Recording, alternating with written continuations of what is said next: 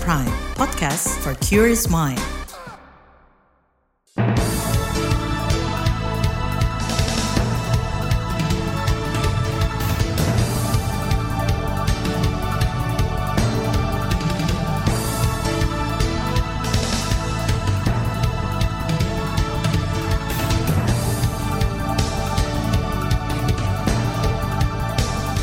Selamat pagi saudara, senang sekali kami bisa menjumpai Anda melalui program Buletin Pagi edisi Rabu 15 Februari 2023.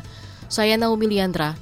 Sejumlah informasi pilihan telah kami siapkan di antaranya Desakan kaji ulang pengurangan hukuman bekas Menteri KKP Edi Prabowo. Menkominfo Joni G. Plate diperiksa Kejaksaan Agung. Tokoh masyarakat dan pemuka agama Papua bantu cari pilot Susi Air. Inilah Buletin Pagi selengkapnya terbaru di Buletin Pagi. Putusan kasasi Mahkamah Agung yang mengurangi vonis hukuman bekas Menteri Kelautan dan Perikanan Edi Prabowo dinilai bermasalah. Sebelumnya Edi bersalah dalam perkara suap pengurusan izin ekspor benih lobster atau benur. Tahun 2021, Pengadilan Negeri Jakarta Pusat menghukum Edi lima tahun penjara. Putusan itu diperberat Pengadilan Tinggi Jakarta menjadi 9 tahun penjara. Edi lalu mengajukan kasasi dan dikabulkan Mahkamah Agung dengan memotong masa hukuman dari 9 menjadi 5 tahun. Alasan MA, politikus Gerindra itu bekerja baik selama menjabat Menteri KKP, tidak menabrak aturan dan tatanan prosedur yang ada. Pengurangan masa hukuman ini dijatuhkan Ketua Majelis Sofian Sitompul dengan anggota Gazal Basaleh dan Sininta Sibarani. Belakangan Gazal Basaleh ditangkap KPK karena dugaan menerima suap terkait kasus pengurusan perkara koperasi inti dana. Menyusul kemudian Hakim Agung MA Sudrajat Dimyati yang juga ditangkap KPK terkait suap kasus yang sama. Koordinator Masyarakat Anti Korupsi Indonesia Maki, Boyamin Saiman menilainya tidak masuk akal pengurangan hukuman yang dilakukan di tingkat kasasi MA. Maki mendesak Komisi Pemberantasan Korupsi mengkaji ulang putusan yang ditetapkan oleh Hakim Agung MA Gazal Basaleh. Begitu juga putusan-putusan MA lainnya yang dikeluarkan Hakim Agung Nonaktif Sudrajat Dimyati. KPK saya minta untuk mendalami karena apa pun yang difonis oleh Hakim Ghazal Basaleh maupun oleh Sudrajat Dimyati semua perkaranya perlu didalami begitu dan perlu dimintai keterangan kepada yang bersangkutan apakah dalam memutus itu independen, murni, hukum dan tidak ada tekanan, titipan atau bahkan yang lain-lain sifatnya penyimpangan. Koordinator Maki Boyamin Saiman percaya KPK mampu mengkaji ulang putusan-putusan kasasi MA karena melibatkan banyak saksi yang mendukung. Apalagi KPK juga berpengalaman mendalami kasus suap yang melibatkan seorang hakim di Pengadilan Negeri Semarang, Jawa Tengah. Menanggapi desakan itu, juri bicara KPK Ali Fikri mengingatkan perkara tersebut sudah inkrah atau berkekuatan hukum tetap. Bahkan eksekusinya pun sudah dilaksanakan. Tapi jika ada pihak yang punya bukti dugaan suap terhadap Hakim Agung MA Gazal Basaleh terkait pemotongan vonis hukuman Edi Prabowo, KPK menanti kiriman barang bukti tersebut. Sementara itu Mahkamah Agung mendukung dan menghormati jika KPK ingin mengusut dugaan suap pada putusan kasasi dan pemotongan hukuman Edi Prabowo, asalkan dengan asas praduga tak bersalah. Sementara itu bekas penyidik KPK Yudi Purnomo harahap geram atas putusan Hakim MA yang mengabulkan kasasi dan memangkas hukuman bekas Menteri KKP Edi Prabowo. Yudi merupakan bekas penyidik kasus suap benur yang melibatkan Edi Prabowo. Yudi pun mendorong MA mengevaluasi putusan kasasi, apalagi pasca Hakim Agung Gazal Basaleh menjadi tersangka suap. Harusnya Mahkamah Agung ini kan memahami negara kita sedang berperang melawan korupsi. Dan ketika hakim di bawahnya berani menghukum tinggi ya eh, para pelaku tindak pidana korupsi seharusnya mereka juga seperti itu gitu kan. Dan tentu dengan pemangkasan ini ya uh, apa namanya ya MA harus mengevaluasi gitu ya. Kan sekarang semua mata sedang tersuara pada MA apa yang dilakukan oleh MA untuk melakukan reformasi di lembaganya seperti itu? Setelah dua hakim agung menjadi tersangka. Bekas penyidik KPK Yudi Purnomo Harahap menilai KPK punya kewenangan menelusuri putusan kasasi karena Hakim Agung yang memberi putusan untuk Edi Prabowo yakni Gazal Basaleh sudah dijadikan tersangka oleh KPK untuk kasus suap koperasi inti dana. Desakan mengkaji ulang putusan Hakim Agung bermasalah Gazal Basaleh dan Sudrajat Dimyati mencuatkan pentingnya pengawasan Hakim Agung. Tapi menurut juri bicara Komisi Yudisial Miko Ginting, terjeratnya dua hakim agung dalam kasus suap penanganan perkara di MA justru menyimpulkan dua hal, yaitu lemahnya pengawasan dan sebaliknya efektifnya pengawasan. Ya, karena pengawasannya berjalanlah kemudian maka perkara-perkara ini dapat di, diendus dan kemudian di, diungkap begitu ya. Jadi meletakkan pengawasan hanya pada institusi saja itu juga tidak lagi relevan gitu ya karena sebenarnya penegakan hukum yang dilakukan oleh KPK maupun penegak hukum lain itu itu bagian dari pengawasan juga gitu. Mm -hmm. Nah, tentu itu tidak menyingkirkan bahwa penguatan-penguatan uh, pengawasan ya itu penting untuk dilakukan gitu ya. Nah, salah satunya adalah memperkuat lembaga dan mekanisme pengawasannya gitu.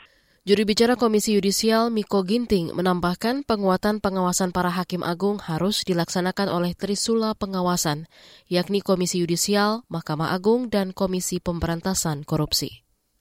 Lembaga Pemantau Korupsi ICW mendorong Mahkamah Agung mengeksaminasi putusan dari dua hakim agung bermasalah, Gazal Basale dan Sudrajat Dimiati. Peneliti ICW, Lalola Istar, menyebut eksaminasi bisa dilakukan berjenjang. MA sebagai pengadilan tertinggi bisa melakukan eksaminasi oleh ketua kamar pidananya atau yang sesama kolega hakim agung maupun akademisi juga kalangan ahli. Jadi itu bisa terlihat apakah memang uh, ada dugaan bahwa keputusan itu dihasilkan dengan kausa yang tidak halal gitu atau dengan motivasi yang buruk misalnya ya. Uh, karena kalau misalnya hakim itu memang memutus dengan pertimbangan yang matang, mempertimbangkan putusan-putusan dan pertimbangan hakim di pengadilan sebelum-sebelumnya, itu saya sih apalagi kasusnya selevelnya Edi Prabowo gitu ya harusnya tidak gegabah mengeluarkan putusan seperti itu. Selain mengeksaminasi putusan Hakim Agung bermasalah, peneliti ICW Lalola, Lalola Esther juga mendesak ditingkatkannya pengawasan, mulai dari sistem perekrutan calon Hakim Agung hingga meneliti gaya hidup dan kewajaran kekayaannya. Menkominfo Joni G. Plate diperiksa Kejaksaan Agung. Informasinya akan hadir sesaat lagi. Tetaplah di Buletin Pagi KBR. You're listening to KBR Pride, podcast for curious mind. Enjoy!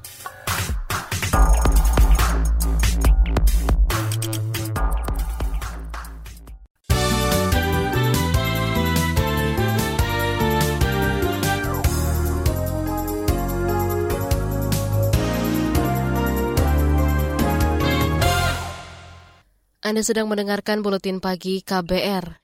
Kementerian Agama dan Komisi Bidang Agama DPR kemarin gagal menentukan nominal ongkos naik haji tahun ini. Meski begitu, Dirjen Penyelenggaraan Haji dan Umroh Hilman Latif sempat mengusulkan 49 juta rupiah per jamaah. Nominal ini lebih rendah daripada usulan awal 69 juta rupiah per jamaah.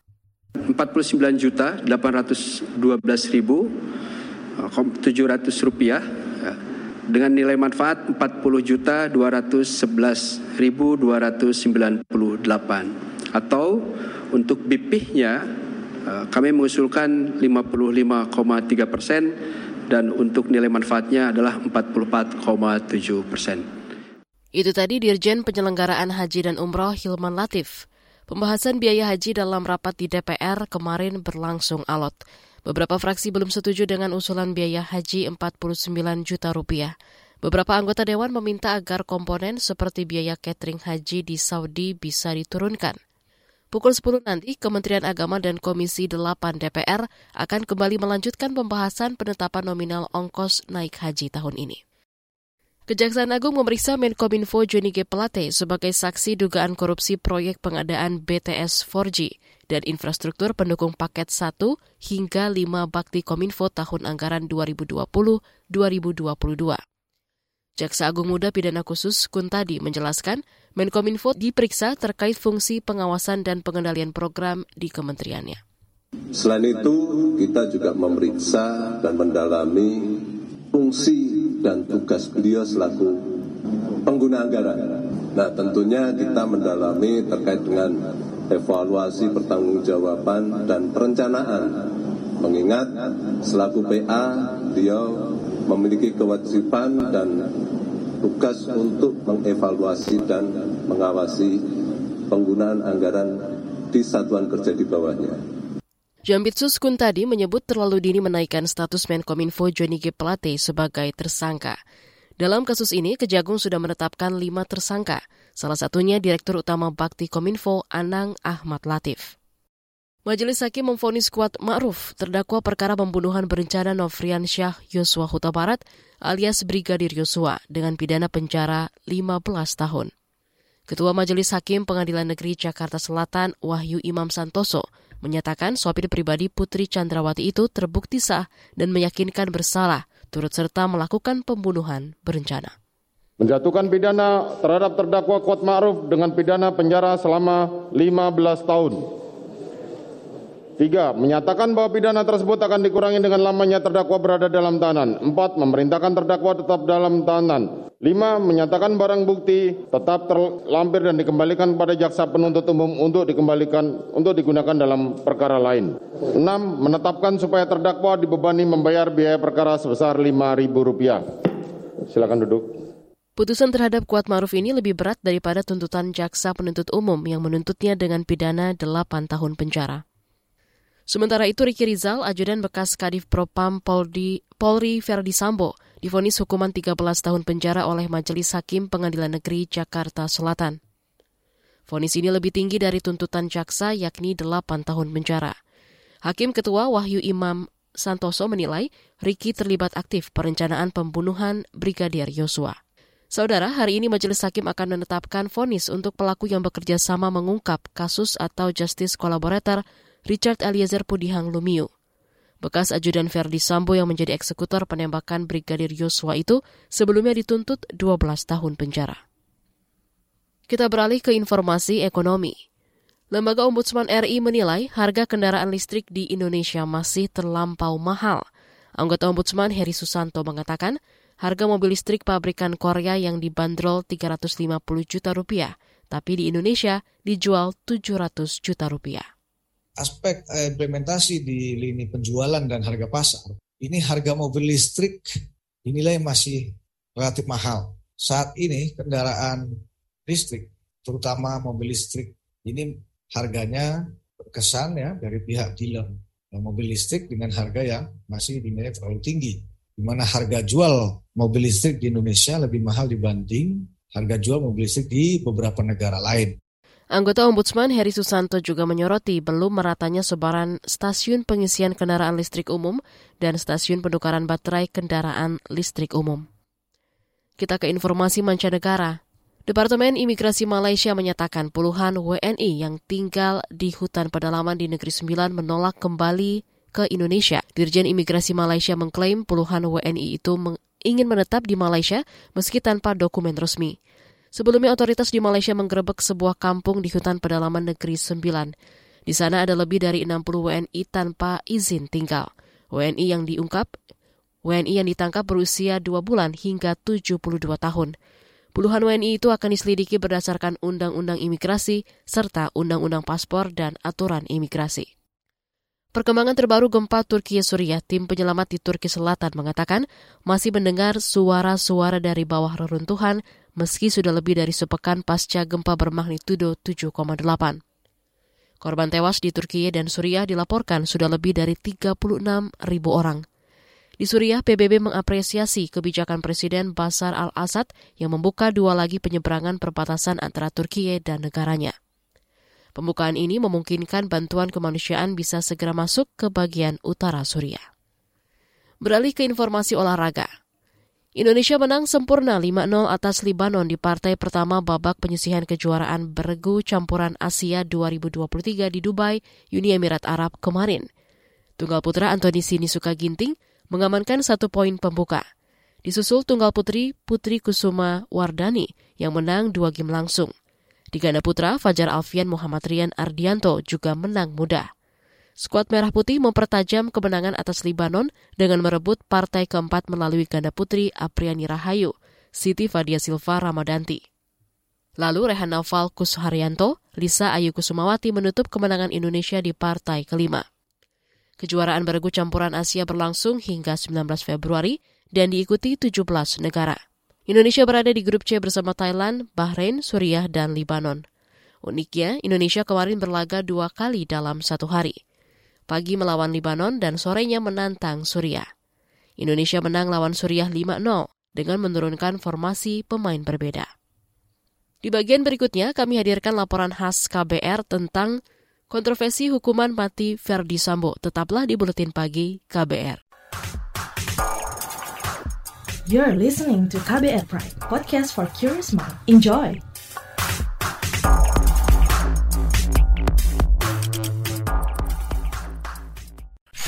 Commercial break. Commercial break.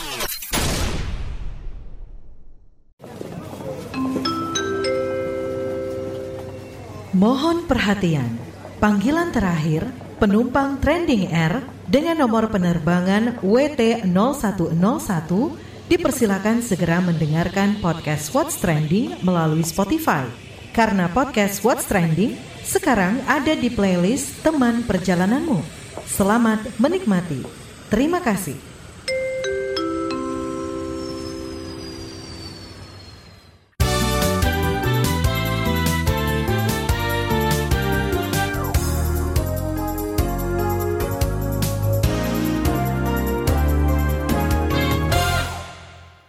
Anda masih bersama kami di Buletin Pagi KBR. Saudara, kasus pembunuhan berencana Nofriansyah Yosua Huta Barat atau Brigadir Yosua mulai masuk babak akhir ketika majelis hakim menjatuhkan hukuman mati kepada Verdi Sambo. Di balik vonis tersebut, hukuman mati pada Jenderal Polisi Bintang 2 itu memicu pro dan kontra. Selengkapnya kita simak laporan khas KBR disusun Reski Novianto menjatuhkan pidana kepada terdakwa tersebut. Oleh karena itu dengan pidana mati memerintahkan terdakwa tetap berada dalam tahanan. Bekas Kepala Divisi Propam Polri, Verdi Sambo, difonis pidana mati oleh Majelis Hakim Pengadilan Negeri PN Jakarta Selatan. Hakim Wahyu Iman Santosa menilai Sambo terbukti melakukan tindak pidana pembunuhan berencana terhadap Nofriansah Yosua Huta Barat atau Brigadir Yosua Hakim juga menyebut sejumlah hal yang memberatkan Verdi Sambo dan tak ada hal yang meringankan. Fonis hukuman mati Sambo disambut gembira keluarga korban. Ibunda Yosua, Rosti Simanjuntak menangis terharu usai mendengar vonis tersebut. Ia berterima kasih kepada hakim dan menyebut hukuman itu layak diberikan pada orang yang membunuh anaknya. Iya, sesuai dengan harapan kami dan doa kami kepada Tuhan yang kami panjatkan setiap saat. Tuhan telah nyatakan mujizatnya melalui perpanjangan tangannya, yaitu hakim sebagai utusan di muka bumi ini. Mereka telah mem, mereka telah mem, memberikan harapan kami sesuai dengan perbuatan Sambo. Pengacara keluarga Yosua, Kamarudin Simanjuntak menyebut putusan hakim itu bukan saja kemenangan untuk almarhum Yosua, tetapi juga kemenangan seluruh masyarakat Indonesia. Menurutnya, hakim sudah melakukan tugasnya dengan baik dan memberikan rasa keadilan bagi seluruh masyarakat Indonesia. Beliau sangat bersemangat kurang lebih tadi dari jam 10 sampai dengan jam berapa tadi jam 3 kurang Sekitar lebih 5 jam. 15.30 tadi. Mereka sangat bersemangat jadi artinya mereka telah memberikan kemenangan kepada rakyat Indonesia bukan hanya kepada Joshua tapi kepada seluruh rakyat Indonesia. Pemerintah ikut angkat suara mengenai hukuman mati Verdi Sambo. Menteri Koordinator Politik Hukum dan Keamanan Mahfud MD menilai vonis terhadap Sambo sudah tepat.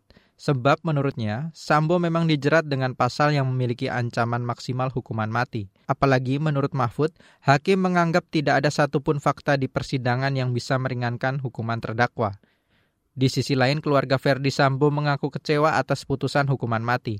Perwakilan keluarga Sambo yang hadir di persidangan menyesalkan vonis hakim yang memutuskan hukuman di atas tuntutan dari jaksa penuntut umum. Dalam hukum ini disebut ultra petita atau putusan hakim yang melebihi tuntutan jaksa. Terkait upaya banding, perwakilan keluarga Sambo menegaskan upaya hukum selanjutnya akan dipersiapkan oleh tim kuasa hukum bekas Kadif Propam tersebut. Nanti pengacara ditanya pengacara aja. Upaya-upaya selanjutnya kita keluarga. Ya. Selama ini kan jenderal sangat dibully. Itu kita kecewanya. Walaupun betul ada hal-hal yang menyakiti ataupun korban juga. Tapi belum tentu juga hal itu setimpa-timpanya kita itu Fonis hukuman mati juga mendapat tentangan dari kalangan aktivis dan pegiat hak asasi manusia. Direktur Riset Setara Institut, Halili Hasan mengatakan, vonis Verdi Sambo secara arus utama atau mainstream dianggap setimpal dengan perbuatan yang dilakukannya.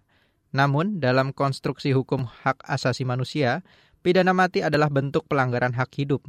Hak hidup merupakan hak asasi manusia yang sifatnya given dan secara universal itu diakui oleh negara-negara beradab sebagai hak yang wajib dijamin oleh negara. Oleh karena itu, negara dalam uh, kondisi apa pun termasuk dalam menangani merespons kejahatan dalam bentuk apa pun itu mestinya tidak kemudian diadili atau difonis dengan vonis pencabutan hak atas hidup tersebut.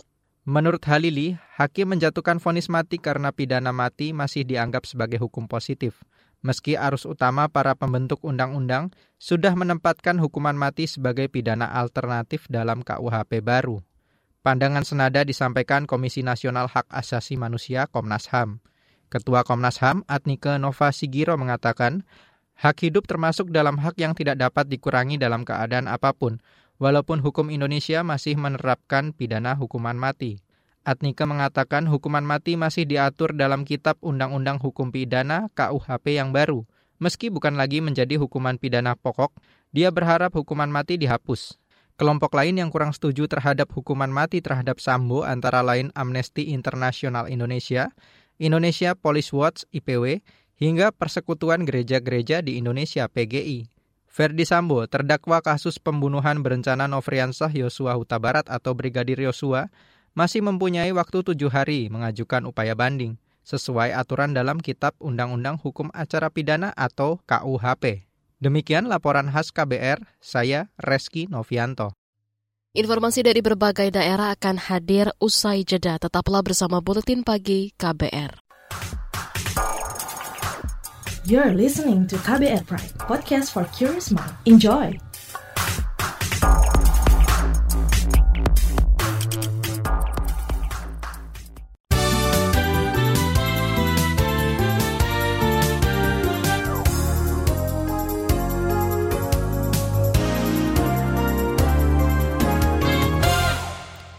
Inilah bagian akhir buletin KBR. Pilot Susi Air, Philip Mark Mertens, hingga tadi malam masih disandra kelompok bersenjata di Nduga, Papua Pegunungan. Menurut Menko Polhukam Mahfud MD, upaya penyelamatan pilot berkewarganegaraan Selandia Baru itu dilakukan secara persuasif. Penyanderaan warga sipil dengan alasan apa pun tidak dapat diterima. Oleh sebab itu, upaya persuasif menjadi pedoman utama demi keselamatan sandera, tetapi pemerintah tidak menutup upaya lain. Sementara itu, tiga diplomat Selandia Baru dan dua staf Kemenlu RI tiba di Timika, Papua Tengah. Mereka memantau perkembangan pencarian pilot Philip. Di lain pihak, pejabat Bupati Nduga, Papua Pegunungan, Namia Gwijangge, mengirim tim yang terdiri dari tokoh masyarakat dan pemuka agama untuk membantu pencarian pilot Susi Air. Rekaman video yang diterima KBR menunjukkan kelompok bersenjata menyandera untuk meminta tebusan. Sosok bersenjata yang muncul di video menyatakan penyanderaan dilakukan untuk menuntut kemerdekaan Papua. Masih dari bumi cendrawasi, Menteri Sosial Tri Risma hari ini kemarin mengecek langsung penanganan dampak gempa di Jayapura, Papua. Risma juga menyerahkan santunan untuk ahli waris dan keluarga dari empat korban meninggal sesuai dengan aturan itu 15 juta. Per kepala ya? Uh, uh, ya, kemudian kita bantu untuk sembako. Nah yang ada anaknya nanti kita akan coba selesaikan supaya anaknya bisa uh, mendapatkan uh, bantuan dari pemerintah. Kementerian Sosial telah mengirimkan bantuan logistik darurat terdiri dari makanan untuk anak, kasur, matras, paket sandang dewasa, dan pakaian anak tenda gulung dan serbaguna, juga tenda keluarga dan toilet portable. Gempa berkekuatan magnitudo 5,4 melanda Jayapura Kamis lalu, mengakibatkan empat warga meninggal. Kita ke Jawa Tengah. Petani di Kabupaten Rembang menolak kehadiran beras impor. Menurut Sujmijan, petani di Desa Gunung Sari, Kecamatan Kaliori, kedatangan beras impor hanya membuat harga gabah di tingkat petani semakin menurun. Saat ini harga gabah turun Rp1.000 menjadi Rp5.000 per kilogram. Menyimak keluhan petani, Bupati Rembang Abdul Hafiz segera meminta Bulog serius menyerap gabah petani sehingga dapat langsung menghentikan ulah para tengkulak. Permintaan itu ditanggapi pimpinan Bulog cabang Pati dan Rembang, Ahmad MF untuk segera menyerap gabah petani. Informasi tadi menutup jumpa kita di Buletin Pagi hari ini. Pantau juga informasi terbaru melalui kabar baru, situs kbr.id, Twitter at berita KBR, serta podcast kbrprime.id. Saya Naomi Liandra bersama tim yang bertugas undur diri. Salam.